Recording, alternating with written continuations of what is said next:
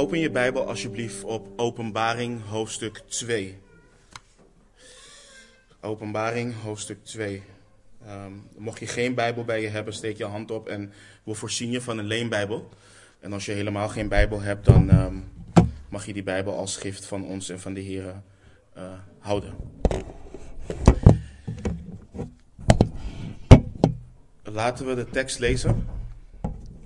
Ehm, bidden en er vervolgens uh, induiken. Openbaring 2 vanaf vers 1 tot en met 7. Dan lezen we dat Johannes schrijft onder leiding van de Heilige Geest. Schrijf aan de engel van de gemeente in Efeze. Dit zegt hij, die de zeven sterren in zijn rechterhand houdt, die te midden van de zeven gouden kandelaren wandelt. Ik ken uw werken, uw inspanning en uw volharding, en weet dat u slechte mensen niet kunt verdragen. En dat u hen op de proef hebt gesteld die van zichzelf zeggen dat zij apostelen zijn, maar het niet zijn. En dat u hebt ontdekt dat zij leugenaars zijn. En u hebt moeilijkheden verdragen en volharding getoond. Om mijn naam hebt u zich ingespannen en bent u niet moe geworden. En u bent niet moe geworden. Maar ik heb tegen u dat u uw eerste liefde hebt verlaten. Bedenk dan van welke hoogte u bent gevallen en bekeer u en doe de eerste werken. Maar zo niet, dan kom ik spoedig bij u en zal uw kandelaar van zijn plaats wegnemen als u zich niet bekeert. Maar dit hebt u voor, dat u de werken van de Nicolaïten haat, die ook ik haat. Wie oren heeft, laat hij horen wat de geest tegen de gemeenten zegt. Wie overwint, hem zal ik te eten geven van de boom des levens, die midden in het paradijs van God staat. Laten we bidden. Vader, we zijn u zo dankbaar voor uw woord, Heer. Nogmaals, Heer, uw woord is goed, uw woord is volmaakt, uw woord is gegeven, Heer, opdat wij toegerust worden, Heer, en kunnen wandelen naar uw wil. Dus open uw schrift voor ons, Heer, open ons verstand, doe ons dit begrijpen, Heer, en verander ons alstublieft voor uw eer en voor uw glorie. In Jezus' naam. Amen. Dit is onze derde studie in onze serie Bijbelse Liefde. En ik dank de Heer, want wanneer ik sommigen spreek, dan hoor ik hoe deze serie net op tijd door de Heer is gegeven. En voor sommigen en misschien velen, uh, of zelfs velen, is de studie van vandaag de studie die, die nodig is. En in, in onze eerste studie hebben we stilgestaan bij 1 Johannes 4, vers 8 en uh, vers 16, waarin we hebben behandeld wat het betekent dat God, uh, wat het betekent God is liefde. En we hebben gekeken naar verschillende Griekse vormen, uh, Griekse woorden voor liefde en gezien dat Gods liefde, agape liefde, een vorm van liefde is wat wij als mensen niet kennen. Het heeft niet zijn, zijn oorsprong of haar oorsprong in mensen. Het is zoals we hebben behandeld een heilige liefde. Apart en anders dan iedere vorm van menselijke liefde. En zelfs al zouden we de puurste vorm van menselijke liefde oneindig vermenigvuldigen, dan zal je nog niet eens de oppervlakte raken van Gods liefde. En het is goed om de betekenis van God is liefde weer op ons netvlies te hebben. En het betekent dus dat God zichzelf onophoudelijk en op een zelfopofferende manier geeft aan anderen, aan mensen. En daarbij ook het welzijn zoekt van degene die de liefde van God ontvangt. En vorige week hebben we stilgestaan bij de bevestiging van Gods liefde. We hebben Romeinen 5, uh, 5 vers 8 uh, behandeld, waarin we lezen: God echter bevestigt zijn liefde voor ons daarin dat Christus voor ons gestorven is toen wij nog zondaars waren. En dit vers is eigenlijk de Johannes 3:16 versie van de apostel Paulus. En het beantwoordt een cruciale vraag. Hoe weet ik zeker dat God mij lief heeft? De Bijbel zegt het, christenen zeggen het, broeders en zusters zeggen het, maar hoe weet ik dat God mij lief heeft? Waar kan ik aan vasthouden als het gaat om Gods liefde voor mij? En daarop geeft Paulus antwoord. God bevestigt zijn liefde voor ons daarin dat Christus voor ons gestorven is, toen wij nog zondaars waren.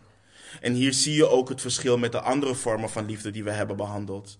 We hebben gezien dat eros, phileo en storge om, omdat vormen van liefde zijn. Um, ik heb je lief omdat ik fysiek aangetrokken ben tot je. Uh, omdat je mijn vriend of vriendin bent. Omdat je mijn kind bent.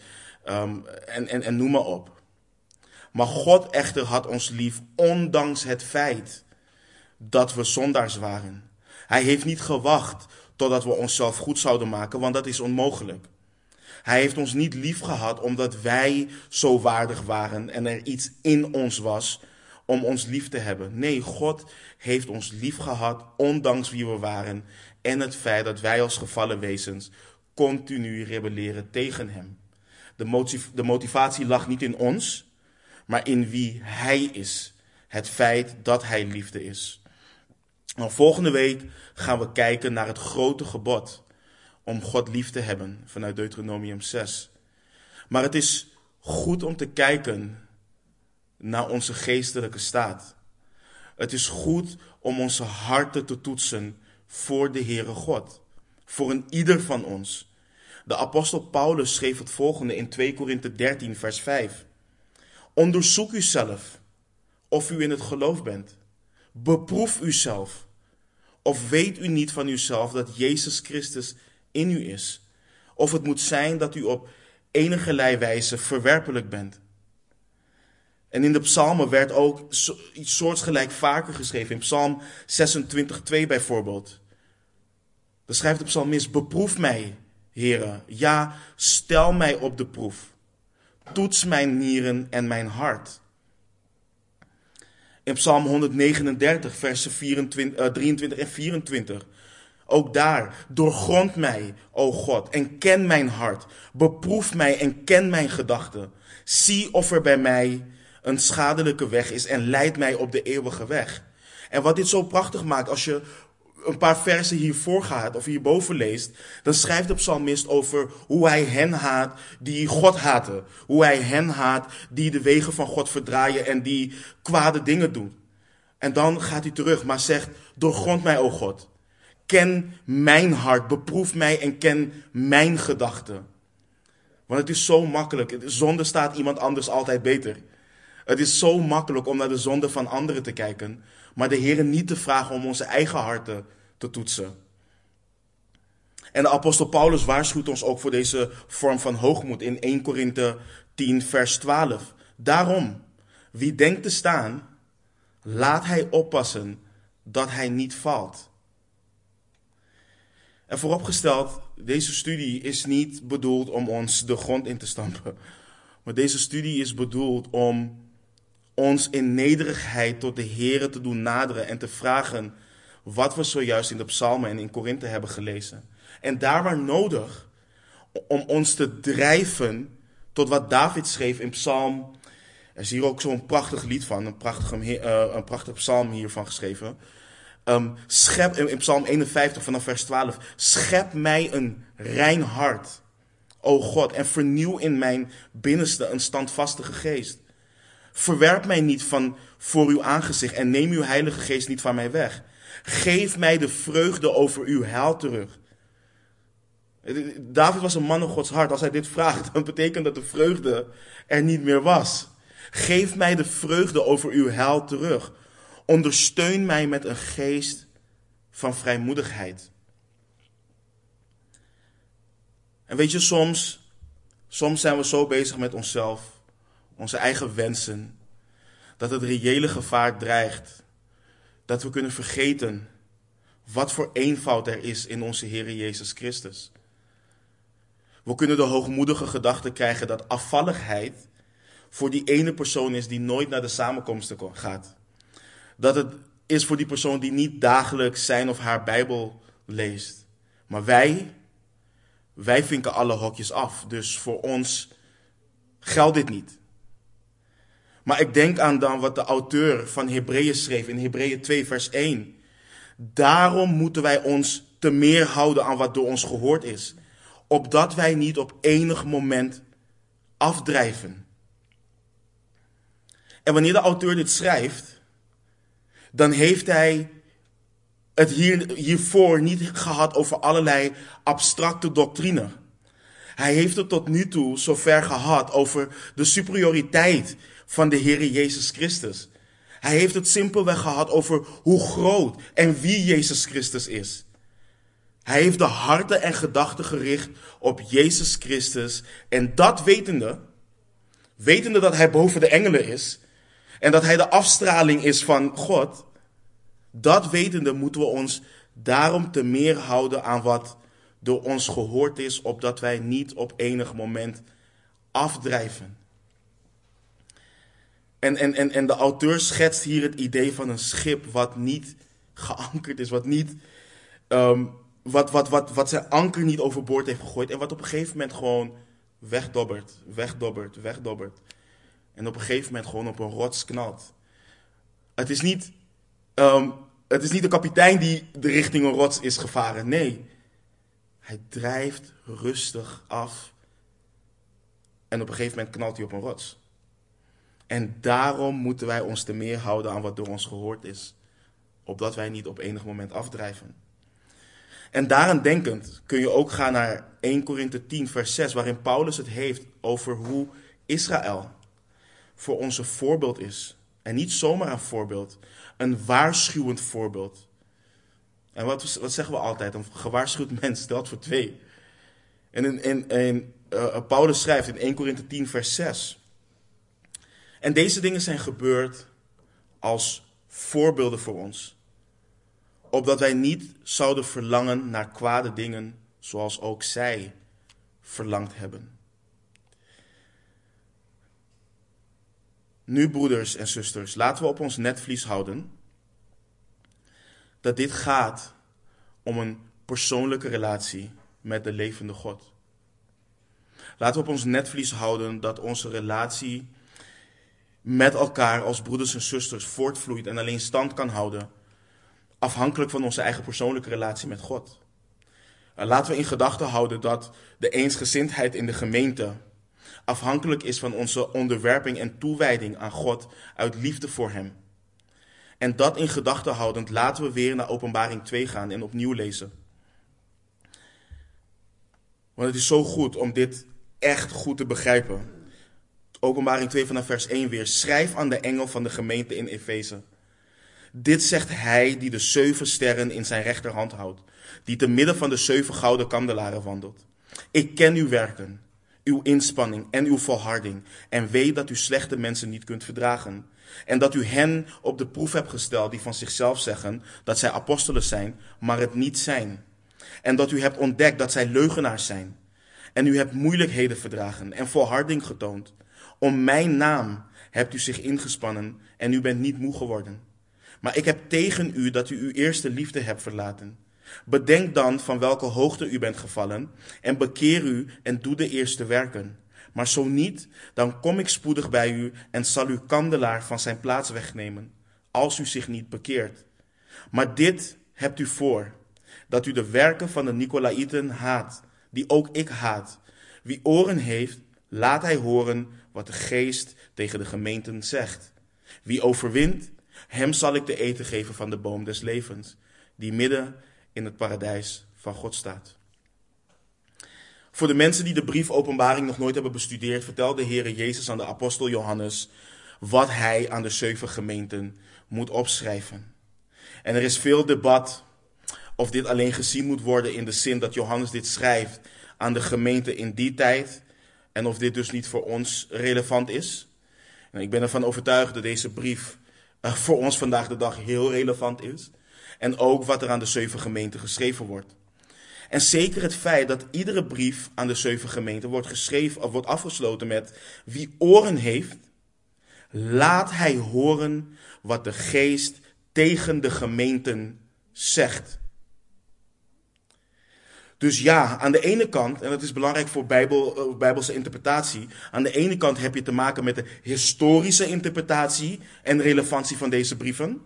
Maar je hebt ook zeker te maken met het feit dat de geest deze brieven nog steeds gebruikt om niet alleen lokale gemeenten te vermanen, corrigeren en te bemoedigen, maar ook individuele volgelingen van de Heer Jezus Christus.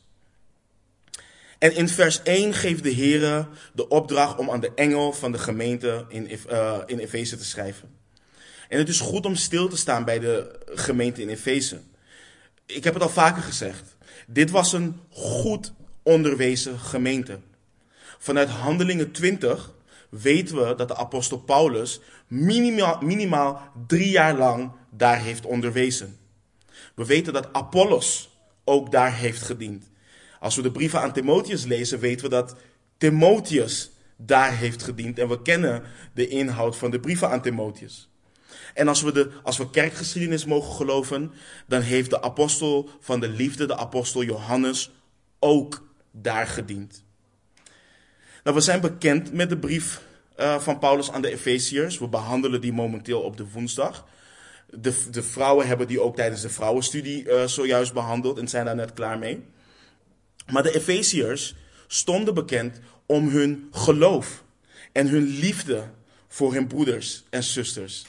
Paulus schreef in Efeze 1, vers 5. Daarom, omdat ook ik gehoord heb van het geloof in de Heer Jezus onder u en van de liefde voor alle heiligen. Ze stonden daar dus bekend om. En ook al stonden ze daarom bekend, was het gebed, dat weten we, dat hebben we ook behandeld, van uh, Paulus, dat ze geworteld en gefundeerd zouden zijn in de liefde. En dat ze samen met de heiligen zouden begrijpen wat de breedte, de lengte, de diepte en de hoogte van Gods liefde is. Dus nogmaals, dit was een goed onderwezen gemeente. Een gemeente met een sterk fundament. Dus onthoud dat. En de brief wordt gericht aan de engel van de gemeente. En met het woord engel wordt hier niet een geestelijk wezen zoals een cherub bedoeld bijvoorbeeld. Maar Johannes dient deze brief te richten aan de leiders van de gemeente, aan de ouderling van de gemeente. En Johannes, wat hij doet is, hij begint met een omschrijving van de Heere Jezus. Zo begint iedere brief aan de zeven, aan de zeven gemeenten. Dit zegt hij, de Heere Jezus, die de zeven sterren in zijn rechterhand houdt die te midden van de zeven kandelaren wandelt. En hiermee geeft de Heer Jezus zijn heerschappij over de ouderlingen, de leiding van de gemeente uh, en het feit dat hij zich te midden van zijn gemeenten bevindt. En hoe weten we dat de Heer Jezus bedoelt, uh, dit bedoelt met de sterren en met de kandelaren? Het, het mooie van openbaring is, is dat de dingen die in het begin heel symbolisch en heel abstract lijken, de brief legt het zelf uit. De brief geeft vervolgens zelf de interpretatie. Want als je teruggaat naar Openbaring 1, vers 20, dan lees je: Het geheimenis van de zeven sterren, die u in mijn rechterhand hebt gezien, en van de zeven, gouden kandelaren is. De zeven sterren zijn de engelen van de zeven gemeenten. En de zeven kandelaren die u hebt gezien, zijn de zeven gemeenten. Dus hier zie je de interpretatie. We hoeven daar niet ergens anders voor te gaan zoeken. We hoeven niet buiten de Bijbel ervoor te gaan zoeken. Het staat gewoon hier in Openbaring 1, vers 20. Maar de Heer Jezus geeft aan, hij heeft autoriteit over de leiders van de kerk. De kerkleiders zijn eigendom van de Heer Jezus Christus. Ze zijn veilig in zijn handen en staan volledig onder zijn heerschappij. Dat is wat de Heer Jezus hier ook aangeeft. Maar goed om te weten is dat hij dit niet alleen zegt over, dat dit niet alleen geldt voor kerkleiders. Dit geldt voor iedere volgeling van de Heer Jezus. In Johannes 10, waarin de Heer Jezus refereert naar zijn volgelingen als schapen, zegt hij in vers 28: En ik geef hun eeuwig leven. En zij zullen beslist niet verloren gaan in eeuwigheid. En niemand zal ze uit mijn hand rukken. Dus iedere volgeling van Jezus is veilig in de handen van de Heer Jezus Christus. Wat dus inhoudt dat je eigendom bent van de Heer Jezus. Daarom is het ook zo prachtig en moeten we er niet zo snel overheen lezen wanneer we de openingen van de brieven van Paulus of van Petrus zien. Een, of van Jacobus zelf, een slaaf van Jezus Christus, een dienstknecht van Jezus Christus. Maar laten ze zien dat ze onder de heerschappij van hun Heer en Meester uh, staan. En we lezen dus, Jezus wandelt te midden van de zeven kandelaren en zegt, ik ken uw werken, uw inspanning en uw volharding en weet dat u slechte mensen niet kunt verdragen. En dat u hen op de proef hebt gesteld die van zichzelf zeggen dat zij apostelen zijn, maar het niet zijn. en dat u hebt ontdekt dat zij leugenaars zijn. En u hebt moeilijkheden verdragen en volharding getoond. Om mijn naam hebt u zich ingespannen en u bent niet moe geworden. Het feit dat de Heere Jezus zegt, ik ken uw werken. Dat is iets waar we bij stil moeten staan. De Heere Jezus kent de werken van de gemeenten. Hij kent de werken van zijn kinderen.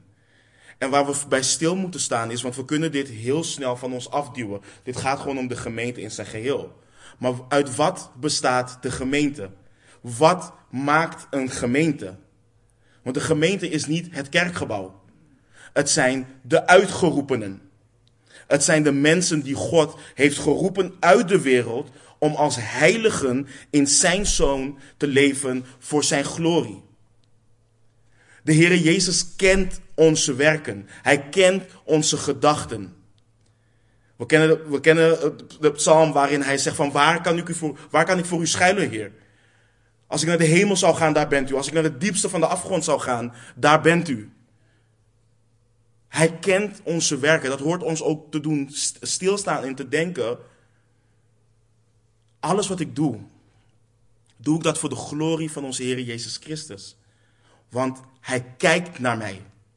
Hij kent mijn werken. Hij kent mijn hart. Hij ziet jou. Hij kijkt naar jou. Hij hoort jou. Het is goed om daarbij stil te staan. En de gemeente in Efeze stond dus bekend om hun inspanning en hun volharding voor en in de Heer Jezus. De Heer Jezus zag dat. Ze kenden hun doctrine en de vrucht wat het hoort uh, te dragen. Ze hadden onderscheidingsvermogen. Want er kwamen enkelen die van zichzelf zeiden dat ze apostelen waren. En ze hebben deze mensen op de proef gesteld. En het is gebleken dat ze geen apostelen waren. Ze bleken leugenaars te zijn. Valse apostelen. En dit is ook heel belangrijk voor ons in de tolerante tijd waarin we leven nu. Ja, we mogen niet oordelen. De Heere Jezus looft ze hier voor het feit dat ze de werken hebben beproefd van hen die zeggen dat ze apostelen zijn. En het is gebleken dat ze leugenaars zijn. Dus dat, dat, die valse vorm van bescheidenheid, oh nee, we moeten niet oordelen. We weten dat Paulus leert in de, aan de Corinthiërs. Wij beoordelen hen die binnen zijn. De Heer beoordeelt hen die buiten zijn. Dus zij die naar binnen komen en zeggen: Ja, ik ben een leraar van de Heer Jezus. Ik ben een discipel. Laat de vrucht zien. Want je zult ze herkennen aan hun vruchten. Dus ze bleken valse apostelen. Ze konden hen die slechte en kwade werken deden niet verdragen. Ze keerden zich van hen af. En ze hebben moeilijkheden verdragen en volharding uh, getoond. En omwille van zijn naam hebben zij zich ingespannen en zijn ze niet moe geworden. En dat stukje ook met moe worden heeft te maken met het feit dat ze niet ontmoedigd zijn geraakt door de verdrukking en de vervolging die zij meemaakten. Moet je je voorstellen, dat hebben we ook behandeld. Efeze was een bolwerk van afgoderij. Het was een bolwerk van kwade en duistere machten. Seksuele, seksuele immoraliteit was normaal daar. Tempelprostitutie was normaal in Efeze. Maar de gemeente liet zich niet meeslepen in het denken en handelen van de wereld. Omwille van de naam van de Heer Jezus verdroegen zij de lastering, vervolging en verdrukking waarmee ze te maken kregen. Omwille van zijn naam zijn ze niet afgemat, afgemat en ook niet ontmoedigd geraakt. Dus als je dit allemaal op een rijtje zet, denk je: wow, dat is een gemeente waar ik onderdeel van wil zijn. En let op, de Heere Jezus heeft het hier over geestelijke werken die belangrijk zijn. De werken waar een gemeente zich mee bezig hoort te houden. De Heere Jezus heeft het niet over waar staat het avondmaal in het gebouw, welk kleur tapijt hebben we, uh, hoe staan de tafels en de stoelen, uh, wie doet de muziekbediening en al dat soort dingen. Hij heeft het hier over zaken van eeuwigheidswaarde. Daar heeft hij het over. Hij heeft het hier over de grote opdracht waartoe de gemeente is geroepen. Maar je zou denken, dit is waar het om draait. En ja, de Heere Jezus is als het ware ook lovend daarover. Maar ondanks het feit, ondanks het feit dat ze al die goede dingen deden en hadden, misten ze het allerbelangrijkste. En voordat we vers 4 gaan ontleden, ga alsjeblieft in je Bijbel naar 1 Korinthe 13. Deze gaan we, gaan we ontleden later in, onze, in, in deze serie. Maar de eerste drie versen. En deze versen zijn zo cruciaal. Het is heel essentieel wat Paulus hier schrijft. Al zou ik de talen van de mensen en van de engelen spreken, maar ik had de liefde niet, dan zou ik klinkend koper of een schallende symbaal zijn geworden. En al zou ik de gave van de profetie hebben en alle geheimenissen weten en alle kennis bezitten, en al zou ik al het geloof hebben, zodat ik bergen zou verzetten, maar ik had de liefde niet, dan was ik niets. En al zou ik al mijn bezittingen uitdelen tot levensonderhoud van de armen, en al zou ik mijn lichaam overgeven om verbrand te worden, maar ik had de liefde niet, de agape-liefde niet, het baatte mij niets. Dus let goed op wat de apostel Paulus schrijft. Al die dingen, al die goede dingen zijn helemaal niets zonder liefde. Niets. En nu al die goede dingen van de Efeziërs. Niet alleen de dingen die we hebben gelezen, ook in vers 6 in Openbaring 2. Ze hebben voor zich dat ze de werken van de Nicolaïten haten. Die de Heere Jezus ook haat. Dat hebben ze voor zich. Maar er is iets essentieels wat de Heere Jezus tegen hen had. En dat is dat ze hun eerste liefde hebben verlaten. En let goed op wat de Heere Jezus zegt. Hij zegt heel duidelijk: verlaten. Hij zegt niet dat ze hun eerste liefde zijn kwijtgeraakt. Velen citeren dit vers en zeggen dat ze hun eerste liefde zijn kwijtgeraakt. Daarmee minimaliseer je de ernst van wat de Heere Jezus hier zegt. Het woord wat de Heere Jezus hier gebruikt voor verlaten in het Grieks is een actie wat je zelf hebt gedaan. Dit is je niet overkomen. Het kan je overkomen dat je je sleutels kwijtraakt. Dat is iets wat je kan overkomen. Dat is niet wat de Heere Jezus hier zegt. De Heere Jezus zegt hier, je bent weggelopen van je eerste liefde. Je was in de liefde, je had de liefde, maar je hebt die verlaten. En ik kan me herinneren toen we begonnen aan de brief Efeze op de woensdag. En we stonden toen ook hier even, hierbij stil. Ser nam ons hier toen door, uh, in mee. Luister, bestudeer deze gemeente weer. Het hoort het hart van een ieder van ons te grijpen. Het hoort, het, het hoort het een ieder van ons op scherp te stellen. Ze waren wat betreft hun doctrine orthodox. Ze kwamen naar de samenkomsten, of naar enkele samenkomsten. Ze konden valse leraren van kilometers afstand spotten en weerleggen. Maar in hun ijver voor en naar de Heer, de Heer Jezus Christus verlieten ze hun eerste liefde. En we moeten waken, broeders en zusters. Want de weg naar het verderf is niet alleen een weg bestraat met goede bedoelingen en oprechtheid van mensen. De weg naar het verderf is bestraat met goede daden en theologische precisie van beleidende volgelingen van Jezus Christus. De hel zal vol zijn met hen die in zijn naam hebben geprofiteerd. Die in zijn naam demonen hebben uitgedreven. Die in zijn naam krachten hebben gedaan. De hel zal vol zijn met mensen met een ijver en goede werken voor de Heer Jezus. Maar zonder oprechte en levende liefde voor de opgestane Heer. En dit hoort ons vrees te geven in ons hart. Luister, net zoals jullie allen kom ik een dag voor de levende God te staan. En dat geldt voor, ik neem ze even mee, voor, met, voor Delaan, Ive en Ser ook. Maar ik kom niet alleen om verantwoording af te dragen voor mijn eigen wandel als schaap.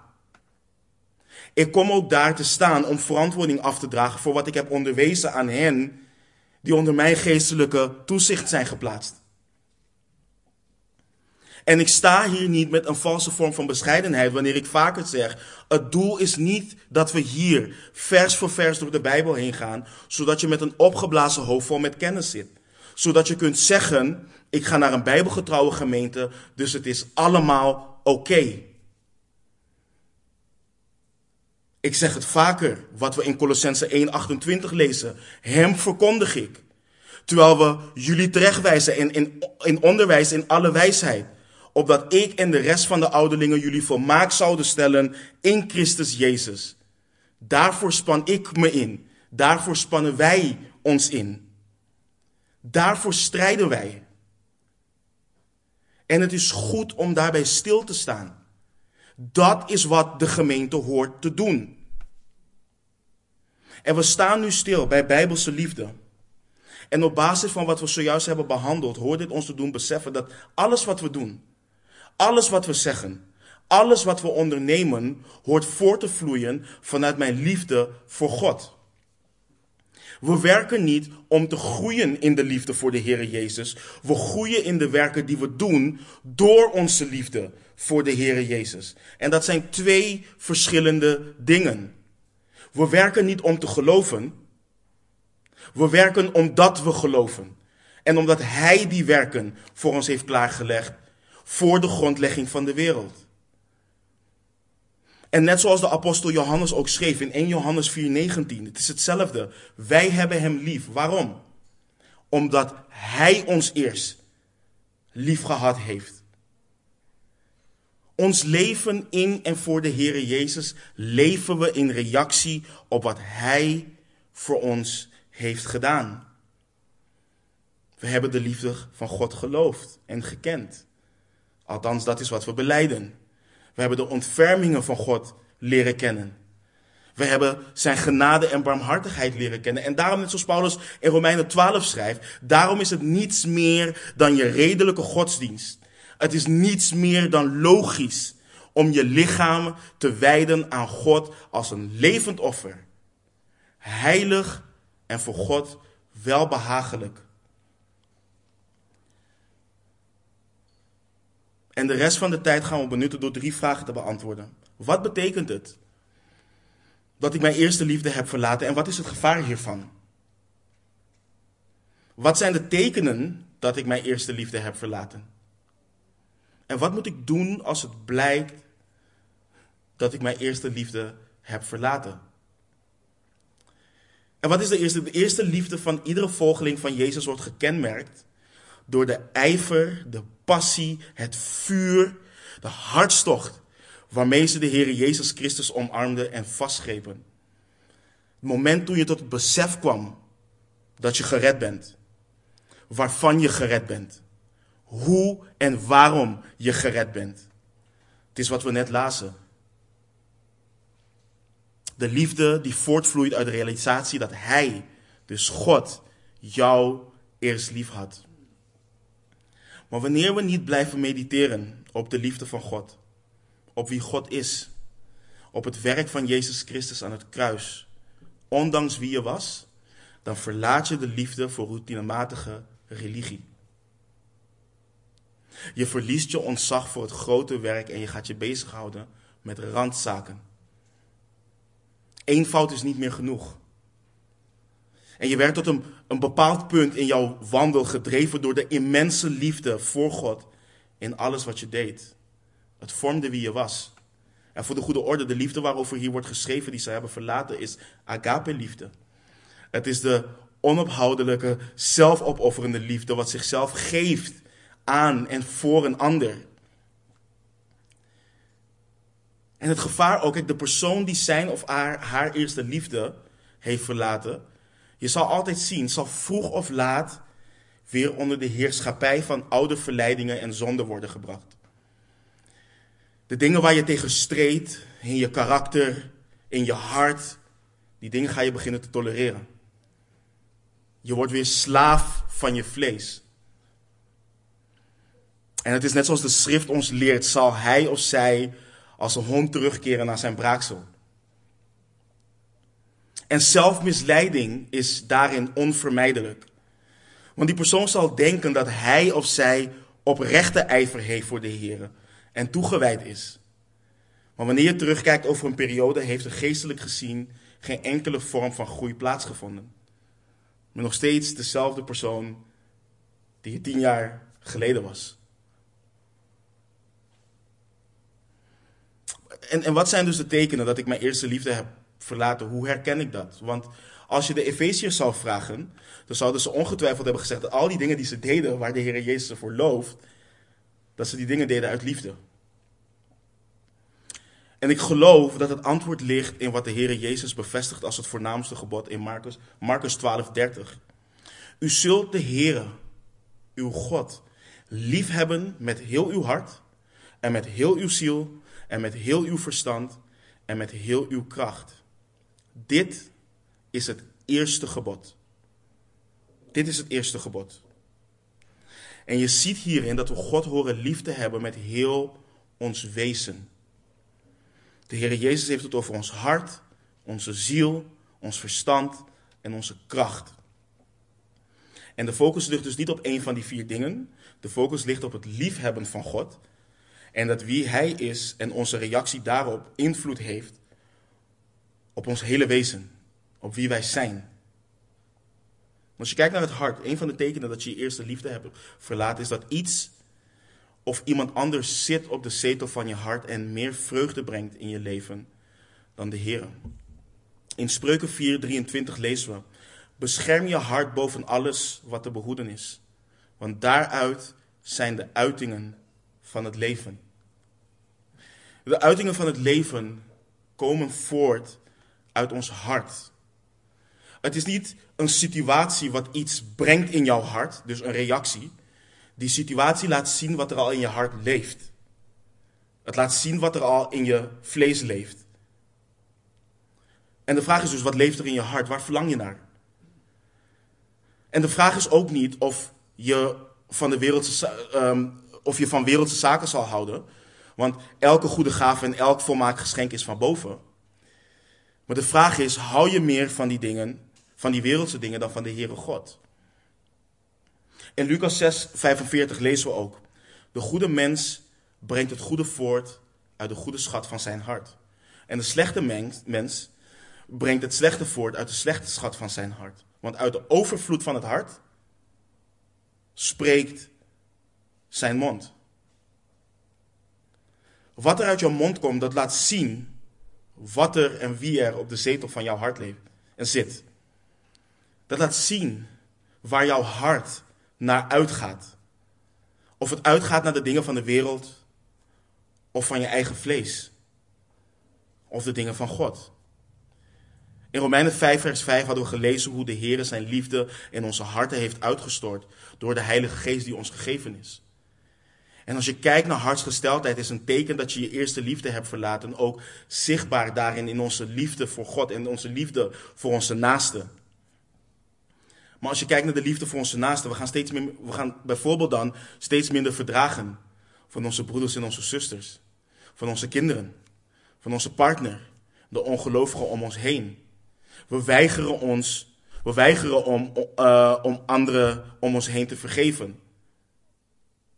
Weet je, als je wrok koestert jegens een ander, jegens wie dan ook, laat het zien dat je de grootsheid van Gods vergeving van jouw eigen zonde en de behoefte aan zijn genade en barmhartigheid uit het oog bent verloren. Dat is wat het laat zien. En ook in bijvoorbeeld de liefde voor God.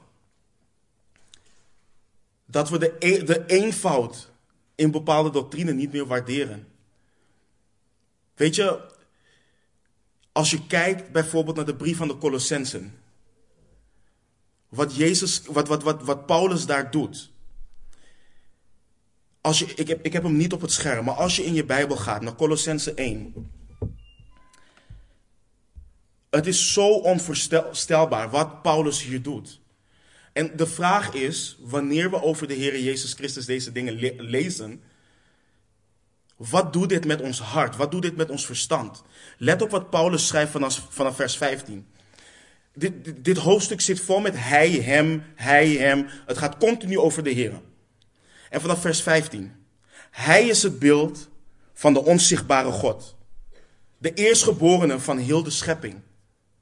Want door hem zijn alle dingen geschapen die in de hemelen en die op de aarde zijn, die zichtbaar en die onzichtbaar zijn. Tronen, heerschappijen, overheden of machten. Al, alle dingen zijn door hem en voor hem geschapen. En hij is voor alle dingen. En alle dingen bestaan tezamen door hem. Je moet je voorstellen, als je bijvoorbeeld ook in je Bijbel, ik ga even heen en weer, Hebreeën 1, vanaf vers 1 tot en met 3, dan lezen we, nadat God voorheen vele malen en op vele wijzen tot, vader, tot de vaderen gesproken had, door de profeten, heeft hij in de laatste dagen tot ons gesproken door de Zoon, die hij erfgenaam gemaakt heeft van alles, door wie hij ook de wereld gemaakt heeft. Hij, Jezus Christus, die de afstraling van Gods heerlijkheid is en de afdruk van zijn zelfstandigheid, die alle dingen draagt door zijn kracht, door zijn krachtig woord heeft, nadat hij de reiniging van onze zonde door zichzelf tot stand had gebracht, zich, zet, zich, gezet had, zich gezet aan de rechterhand van de majesteit in de hoogste hemelen. Als je naar deze dingen kijkt, als je hier naar kijkt, besef even gewoon puur wetenschappelijk hoe groot het universum en het heelal is. Alleen dat. En besef dat door de zoon alles in het heelal perfect op zijn plaats blijft staan. Dat de aarde niet te ver van de zon, uh, van, van de zon af is. En dat het niet te dicht bij de zon is. Als je gaat mediteren op die dingen, wat doet dat met je hart? Wat doet dat met je hart? Of hebben we het nodig dat we debatteren over randzaken? Er is zoveel doctrine over de Heer Jezus Christus. Waar je jarenlang, één vers, vers 3 van Hebreeën 1. Jarenlang kun je dat vers ontleden. En wat doet dat met ons hart? Doe dat ons verlangen naar gemeenschap met de Heer Jezus Christus. Doe dat ons verlangen naar gemeenschap met de waarachtige God? Dat is de vraag die we ons moeten stellen. Wat zit er op de zetel van ons hart? Een ander teken dat je je eerste liefde hebt verlaten, is dat je steeds minder nadert tot God in het woord en in gebed. En dit slaat direct op onze ziel. Je nadert niet meer uit een noden en een diep verlangen naar God tot Hem in, in gebed en in het woord, maar uit een gevoel van plicht of een schuldgevoel. Het moet. Je bidt alleen voor het eten, voor het slapen gaan of voor de andere standaardmomenten. Je leest alleen een vers van de dag of leest alleen eventjes voor je gaat slapen. De vrije tijd die je hebt wordt opgeslokt door iets anders dan fellowship, dan gemeenschap met de Heere God en met je broeders en je zusters. Drukte in je leven verhindert de fellowship met God. Dit in tegenstelling tot wat de psalmist schreef in Psalm 119, vers 20. Mijn ziel wordt verteerd van verlangen naar uw bepalingen te alle tijden. Dit schrijft hij niet als een verlangen of als een soort utopie. Hij schrijft dit. Hij uit hier zijn toewijding aan de Heere God. En we horen te waken voor de dwaze uitspraak: ja, maar ik ben niet volmaakt. En ik zal God nooit volmaakt liefhebben als de Heer Jezus. De psalmist was ook niet volmaakt. De apostelen en de discipelen waren ook niet volmaakt. En toch is het een gebod om de Heere God lief te hebben. Met heel je hart en met heel je ziel en met heel je verstand en met heel je kracht. En in plaats van onszelf te misleiden, doen we er goed aan acht te slaan op de woorden van Jacobus in Jacobus 4, vers 8 tot en met 10. Waarin hij schrijft: Nader tot God en hij zal tot u naderen. En let op wat hij schrijft: Reinig de handen, zondaars, en zuiver de harten, dubbelhartigen. Hij schrijft hier aan broeders en zusters. Hij schrijft niet aan ongelovigen hier. Reinig de handen, zondaars, en zuiver de harten, dubbelhartigen. Besef uw ellendige staat en treur en huil. Laat uw lachen veranderd worden in treuren en uw blijdschap in droefheid. En tegenwoordig zie je ook een movement door de kerk heen gaan dat wanneer mensen daadwerkelijk berouw hebben over hun zonde, nou, het moet niet zo zwaar. Weet je, we hebben vrijheid in de Heer en het is vreugde en het is. Er ligt vreugde in berouw van zonde. Lees Psalm 50, lees Psalm 51. Er ligt vreugde in, de, in, in berouw van zonde. Er ligt vreugde in het beleiden van zonde. Verneder u voor de Heer en Hij zal u verhogen. We moeten tot het besef komen dat ons hart arglistig is boven alles. En dat dit niet iets is voor anderen. Maar dat wanneer je je Bijbel opent, dat God tot jou spreekt. Persoonlijk. En dat Hij jou wil laten zien wat er in jouw hart leeft. En dat we niet de gedachte hebben, oh wacht even, dit wat ik lees is goed voor die. En die is goed voor die. En die is goed voor die ene persoon die die dag niet in de dienst was. Nee, God is een persoonlijke God. En hij wil tot jou persoonlijk spreken. Om jou te laten zien. Reinig de handen. En zuiver de hartig en besef je ellendige staat. Onze liefde is zichtbaar in het feit dat we beseffen dat God heilig boven alles is. En wij niet. En dat we berouw hebben over zonde en denken: Heer, ik kan dit niet. Maar ik kan alles door de kracht van Christus die in mij is. En geef mij, Heer, trek mij naar u toe. En vervul mij met uw geest, opdat ik kan wandelen op een, waarde, op een wijze u waardig. Willen we blijven groeien in onze liefde voor de Heer, dan horen we tot Hem te naderen. Ongeacht onze omstandigheden, in zowel het woord als in gebed. En niet in wat wij zelf willen horen, maar in hetgeen wat de Heer tot ons wil spreken. Nogmaals, God kent jou. Hij kent jouw hart. Hij weet wat en wanneer Hij dat tot jou moet spreken om jou te snoeien, opdat je veel vrucht voor Hem zal dragen. Daarom vroeg ik net aan het begin ook, bid voor ons, bid en vraag de Heer, Heer, wat moeten we op de woensdag gaan behandelen? Wanneer we boeken gaan behandelen in de Bijbel, wanneer we thema's gaan behandelen, is een tijd van gebed gaat daaraan vooraf. Heer, want we lezen in Colossense dat u hoofd van de gemeente bent. We lezen in Efeze dat u hoofd van de gemeente bent. U kent uw schapen. U weet wat u wilt spreken tot uw schapen. Wijs het ons. Laat het ons zien. En bouw uw gemeente. Ze moeten naderen tot Hem in gebed. Hij weet wat Hij wil spreken om jou te snoeien, opdat je veel vrucht voor Hem mag dragen. Wat een vreugde is het om Hem te kennen en om te groeien in liefde voor Hem. De profeet Jeremia schrijft ook, en het is altijd zo mooi wanneer je leest, zo zegt de Heer. Jeremia 9, vers 23, zo zegt de Heer, laat een wijze zich niet beroemen op zijn wijsheid. Laat de held zich niet beroemen op zijn sterkte. Laat een rijke zich niet beroemen op zijn rijkdom. Maar laat wie zich beroemt, zich daarop beroemen dat hij begrijpt en mij kent dat ik de Heere ben die goede tierenheid bewijs. Recht en gerechtigheid op de aarde doe. Want in die dingen vind ik vreugde, spreekt de Heer. We willen, allemaal, we willen allemaal weten wat de wil van de Heer is. We willen allemaal de dingen doen die de Heer vreugde brengen. Nou, leer Hem kennen. Mediteer op wie Hij is. Pak je Bijbel. Lees elke dag en, en bid opdat je groeien mag. Volgens mij heb ik het verkeerd geciteerd, maar jullie, jullie begrijpen wat ik bedoel. Lees je Bijbel, bid elke dag op dat je groeien mag. Dat is hem, ja. Oké, andere tekenen hebben betrekking op ons verstand. En waar het, waar het op neerkomt is dat de gedachten die je hebt, de Heere God niet eren.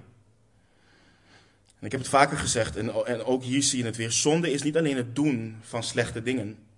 In onze gedachten kunnen we al zondigen.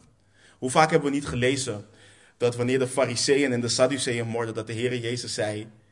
En dat er stond dat hij wist wat er in hun gedachten speelde. En dat hij zegt: Waarom morren jullie in jullie gedachten? Waarom overleggen jullie slechte dingen in jullie gedachten? Hij kent onze gedachten. Dus dit heeft betrekking op wie we zijn, op hoe we denken. Daarom, daarom schrijft Paulus ook in Romeinen 12 dat ons denken hernieuwd moet worden. Daarom schreef hij ook aan de kerk in Efeze in hoofdstuk 2 dat onze staat was, voordat we tot Christus kwamen, dat we de wil van het vlees en de wil van de gedachten deden. Dus de dingen die regeren in onze gedachten zeggen veel over ons hart. En daarom schreef Paulus ook aan de Filippenzen in, in hoofdstuk 4, vers 8. Daarom zegt hij dit. Verder, broeders. Al wat waar is, al wat eerbaar is, al wat rechtvaardig is, al wat rein is, al wat liefelijk is, al wat welduidend is, als er enige deugd is en als er iets prijzenswaardig is, bedenk dat. Denk daaraan. Wat is het eerste waar we aan denken wanneer we opstaan? Waar denken we aan wanneer we met elkaar in gesprek zijn? Waar praten we over? Waar denk je aan voordat je gaat slapen? Wat en of wie regeert jouw gedachten? Worden jouw gedachten gevormd en regeerd door het woord van God? Hoe denk je over God? Hoe denk je over zijn woord? Over de gemeente en het reilen en zeilen daarvan. Hoe denk je over je broeders en je zusters? Hoe denk je over je partner en over je kinderen? Hoe denk je over je werk, over je baan? Hoe denk je over je ongelovige naasten? Regeert liefde voor God in al die dingen of beïnvloedt jouw vlees, jouw gedachten?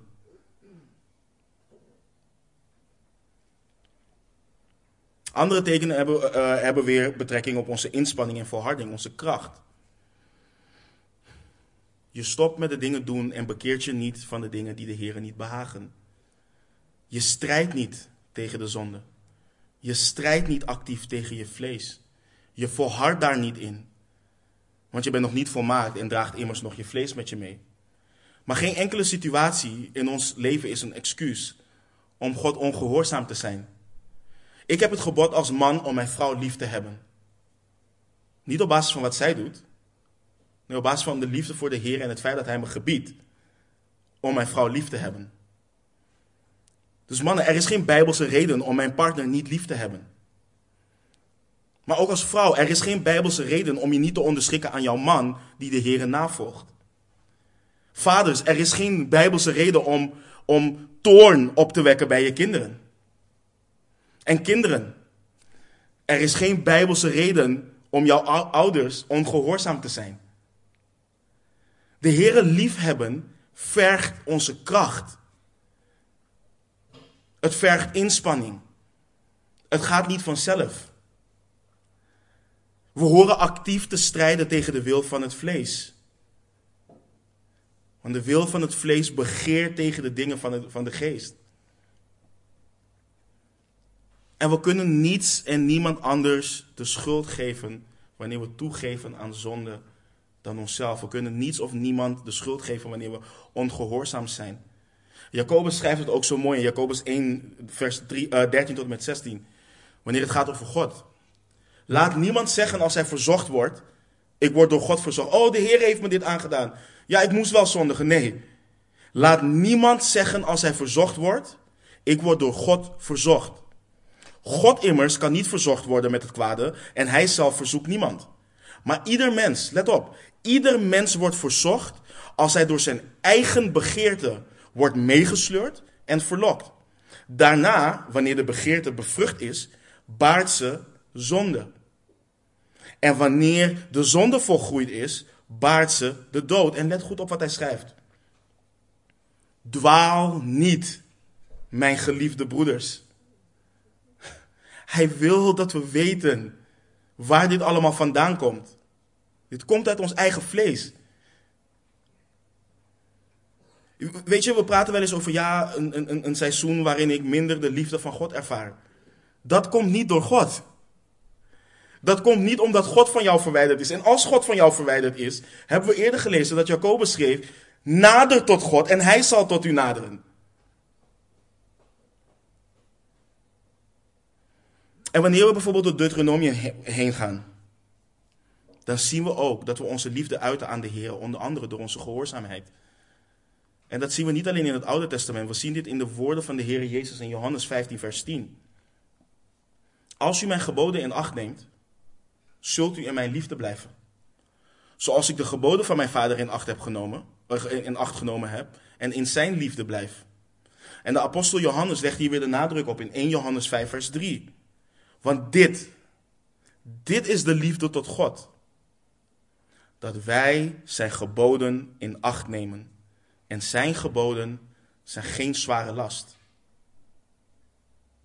En iemand die zijn of haar eerste liefde heeft verlaten, of dat nooit gehad heeft, dat kan ook, is iemand die continu excuses verzint om ongehoorzaam te zijn aan de geboden van de Heer. Beleidende volgelingen die excuses verzinnen waarom ze de erediensten niet bezoeken. Terwijl de Bijbel heel duidelijk is over de samenkomst niet verzaken. Beleidende volgelingen die excuses verzinnen om de ouderlingen van de gemeente te ondermijnen. Terwijl de Bijbel duidelijk is in het gehoorzamen en respecteren um, van God gegeven ouderlingen. Beleidende volgelingen die excuses verzinnen om anderen niet te vergeven. Terwijl de Heer Jezus duidelijk is dat als je mensen hun overtredingen niet vergeeft, jouw vader jou je overtredingen ook niet vergeeft. Luister, ik verzin het niet. Ik breng simpelweg wat er in de tekst staat. En we horen daarmee dus te kijken naar ons eigen hart. Naar de liefde voor Gods woord. Naar de liefde voor God. Als ik God lief heb. Als ik een onophoudelijk lief heb. Zelfopofferend lief, op een zelfopofferende manier lief heb. Dan strijd ik tegen de dingen waar, die hij haat. En dat doe ik de dingen waar hij van houdt. Waarom? Omdat hij heeft laten zien dat hij van mij houdt, ondanks wie ik was. Dit is geen legalisme. Dit is, geen, dit is geen, niet het gedrag van fariseeën of wettisch zijn. Dit is, dit is de liefde tot God, dat wij zijn geboden in acht nemen en zijn geboden zijn geen zware last. Weet je, we moeten onszelf de volgende vraag stellen als wij ongehoorzaam zijn. In welk gebod dan ook. Geloof ik dat wat de Heer heeft gezegd volmaakt is? Want in Romeinen 12 lezen we dat zijn wil volmaakt is. Dus als de Heer mij zegt om mijn vrouw lief te hebben, geloof ik dat het gebod wat hij me gegeven heeft, dat dat volmaakt is, dat het goed is. Als de Heer als, tegen mij als vrouw zegt, ik moet mijn man, ik moet me onderschikken aan mijn man. Geloof ik dat wat hij zegt, dat het goed is? Dat is de vraag die ik me moet, mezelf moet stellen. Want als ik van de Heer hou, dan weet ik ook dat alles wat hij voor me wil goed is. Dat is de vraag die ik mezelf moet stellen. En daarin zie je dat men dus hun eerste liefde heeft verlaten. Want ze zien de geboden van de Heer Jezus niet als bevrijding en als een bron van vreugde en liefde, maar juist als een last. Ik kan of wil niet naar de samenkomsten. Ik kan of wil me niet onderschikken. Ik kan of wil niet vergeven. En 9 van de 10 keer heeft het niet met kunnen te maken, maar met willen. Maar zijn liefde in ons hoort ons de kracht te geven en ons aan te sporen met al ons kracht Hem na te volgen en ons te gehoorzamen. En zo kan ik een lijst opnoemen, een hele lijst opnoemen en doorgaan met tekenen waarin we herkennen dat we onze eerste liefde hebben verlaten. Maar ik hoop en ik bid dat we inzien dat dit niet gaat om het afvinken van de hokjes. Oh, dat doe ik niet, dat doe ik niet, dat doe ik wel, dat doe ik dus, het zit goed. Het gaat erom dat je beseft dat dit gaat om hartsgesteldheid. Het gaat om jouw toewijding aan de Heer. Het gaat om jouw liefde voor de Heer. Wat niet door jou gedefinieerd wordt, maar door de Heer gedefinieerd wordt. Wij worden opgedragen om de Heer onophoudelijk en op een zelfopofferende manier lief te hebben. Dat houdt dus in dat we onszelf moeten verloochenen. Dat we ons kruis moeten opnemen. Dat we moeten sterven aan onszelf en achter Hem moeten aangaan. En sterven aan jezelf is niet makkelijk. Jezelf verloochenen is niet makkelijk. Want oh, wat begeert je vlees naar hetgeen wat je wilt. Maar de Heer zegt: nee, dat is niet goed voor je. We horen onszelf dus af te wijzen. We horen onze eigen vorm van liefde af te wijzen en te kijken naar de definitie van Gods liefde. En nu is de vraag: wat nu? Misschien heb je nu jouw ellendige staat erkend. En kom je tot het diepe besef dat het niet goed zit. En is de vraag in wanhoop: hoe ga ik nu terug? Hoe ga ik terug naar mijn eerste liefde? Wat moet ik doen? En als eerste, de manier waarop je gaat, is je gaat in nederigheid en in dankbaarheid. Want wat we niet uit het oog mogen verliezen, is de genade getoond door de Heer Jezus Christus aan de Efeziërs. Hij heeft niet hun kandelaar weggenomen en vervolgens gezegd dat hij wat tegen hen had. Hij is zo genadig om hen nu hun geestelijke staat te laten zien en ze een kans te geven tot bekering. Dus dank de Heer. Loof de Heer en prijs Hem als Hij ook maar iets nu heeft duidelijk gemaakt aan jou. Maar hoe kun je terug? En de Heer Jezus geeft het antwoord in Openbaring 2, vers 5. Bedenk dan van welke hoogte u bent gevallen. En bekeer u en doe de eerste werken.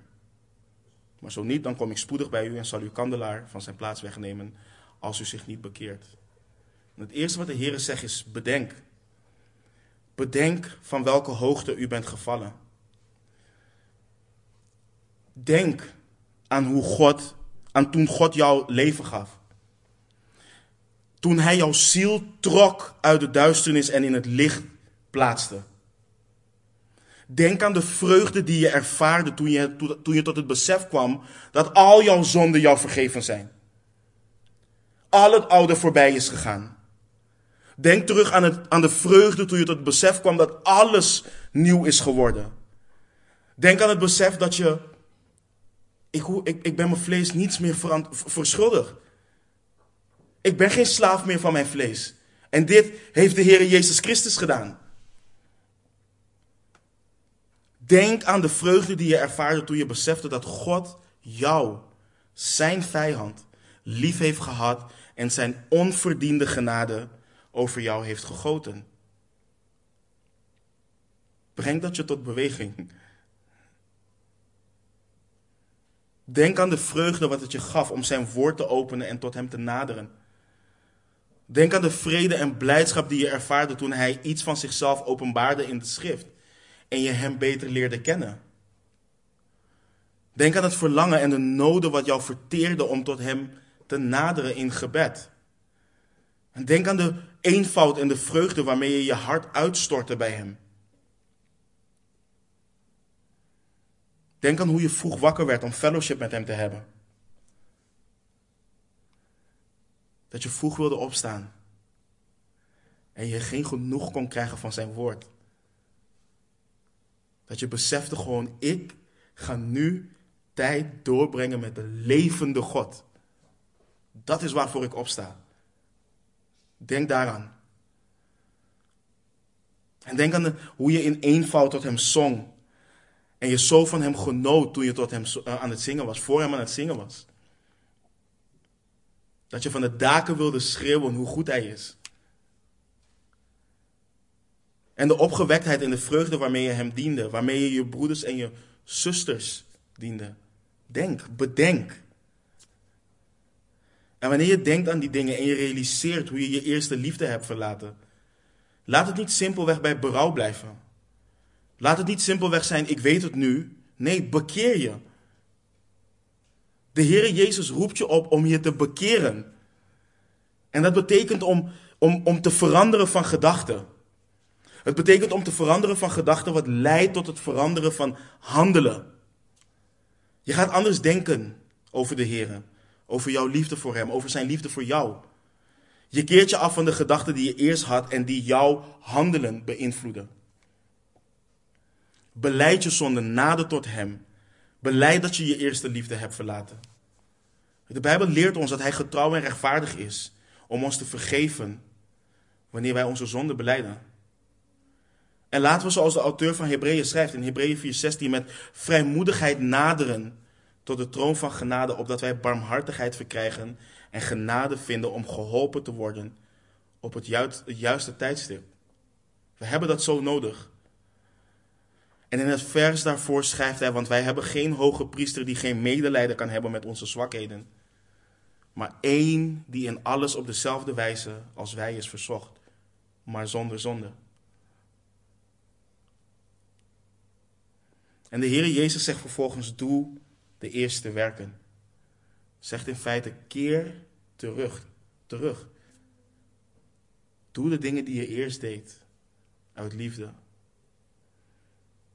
Hij roept ons op om terug te keren naar onze liefde. En ik denk aan wat Judas schreef in vers 21. We hebben de brief Judas behandeld. En we weten ook wat voor krachtige brief dat is. Ook al is het maar één hoofdstuk. Maar let op wat hij schrijft aan het einde.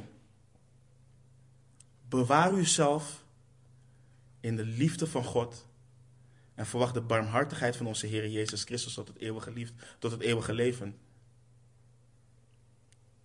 Nadat hij heeft geschreven over hoe we met de valse leraren om moeten gaan. En hoe we daar tegen stand kunnen houden, is dit één daarvan.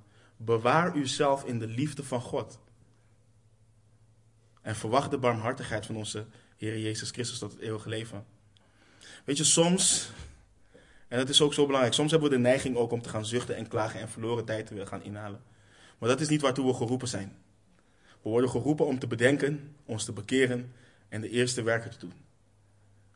En ik vraag je broeder, zuster, heb jij je eerste liefde verlaten?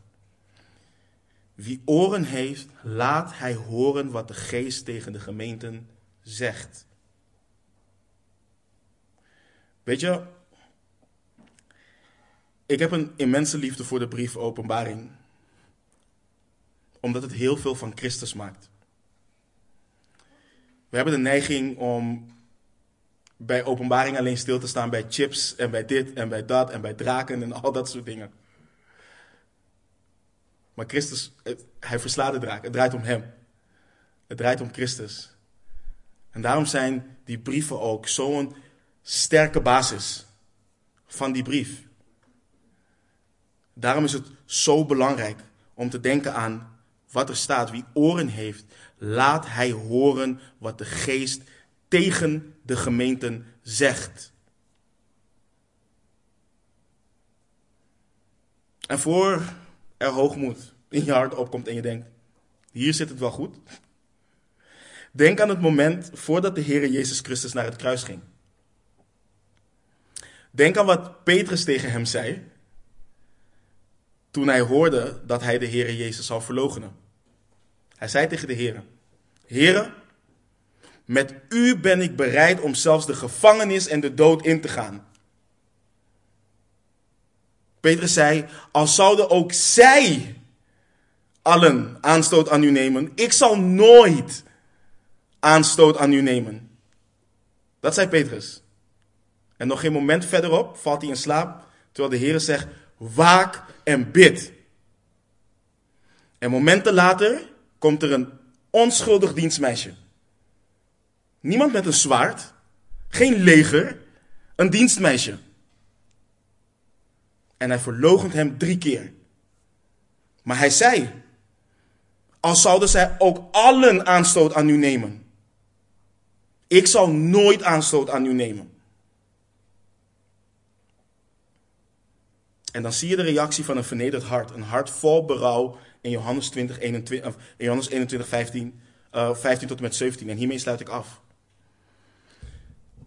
Toen zij dan de maaltijd gebruikt hadden. En dit is echt een, dit is zo'n beproeving van je hart. Zei Jezus tegen Simon Petrus: Simon, zoon van Jona.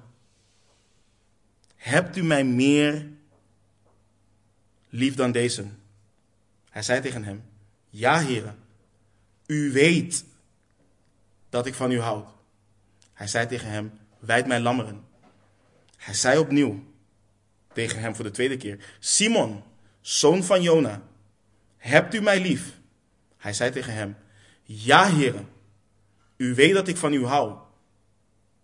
Hij zei tegen hem: Hoed mijn schapen.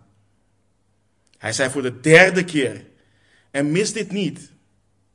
Met het drie keer verlogenen van de Heer Jezus.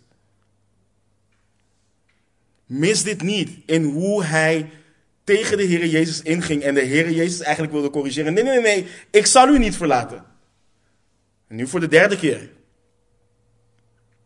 Simon, zoon van Jona, houdt u van mij? En Petrus werd bedroefd. Omdat hij voor de derde keer tegen hem zei, houdt u van mij? En dit is de juiste reactie. En hij zei tegen hem, heren, U weet alle dingen. U weet dat ik van u hou. En Jezus zei tegen hem: Wijd mijn schapen. Laten we erkennen en laten we in nederigheid zeggen: Heere, u weet alle dingen. En laat de geest ons hart doorzoeken en ons openbaren of wij onze eerste liefde hebben verlaten. Laten we bidden. Heere God, u bent de kenner van harten, Heer. U weet alle dingen. Heer, en ik draag ieder van ons, draag ik aan u op, Heer. Help ons, Vader. Beproef onze harten. Beproef onze gedachten, Heer. En Heer, als onze goede herder dat u bent, leid ons alstublieft, Heer. Wijd ons, hoed ons alstublieft, Heer. Leid ons naar grazige weiden, Vader.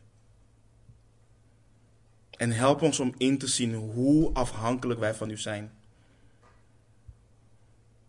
En Heer, dat we in al onze goede bedoelingen, in al ons ijver, Heer, dat het gewoon mogelijk is om onze eerste liefde te verlaten.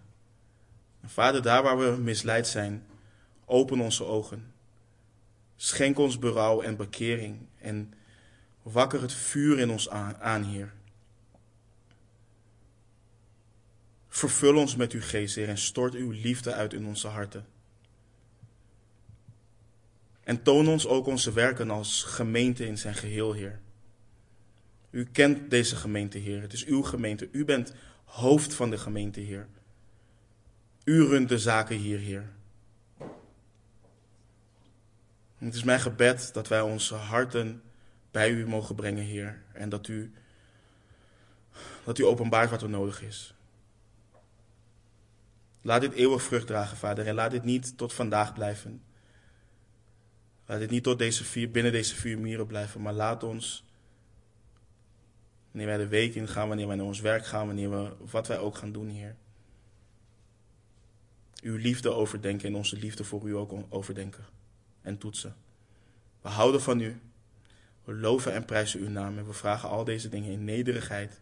niet omdat we het verdienen, Heer, maar omdat u almachtige God bent. In Jezus' naam. Amen.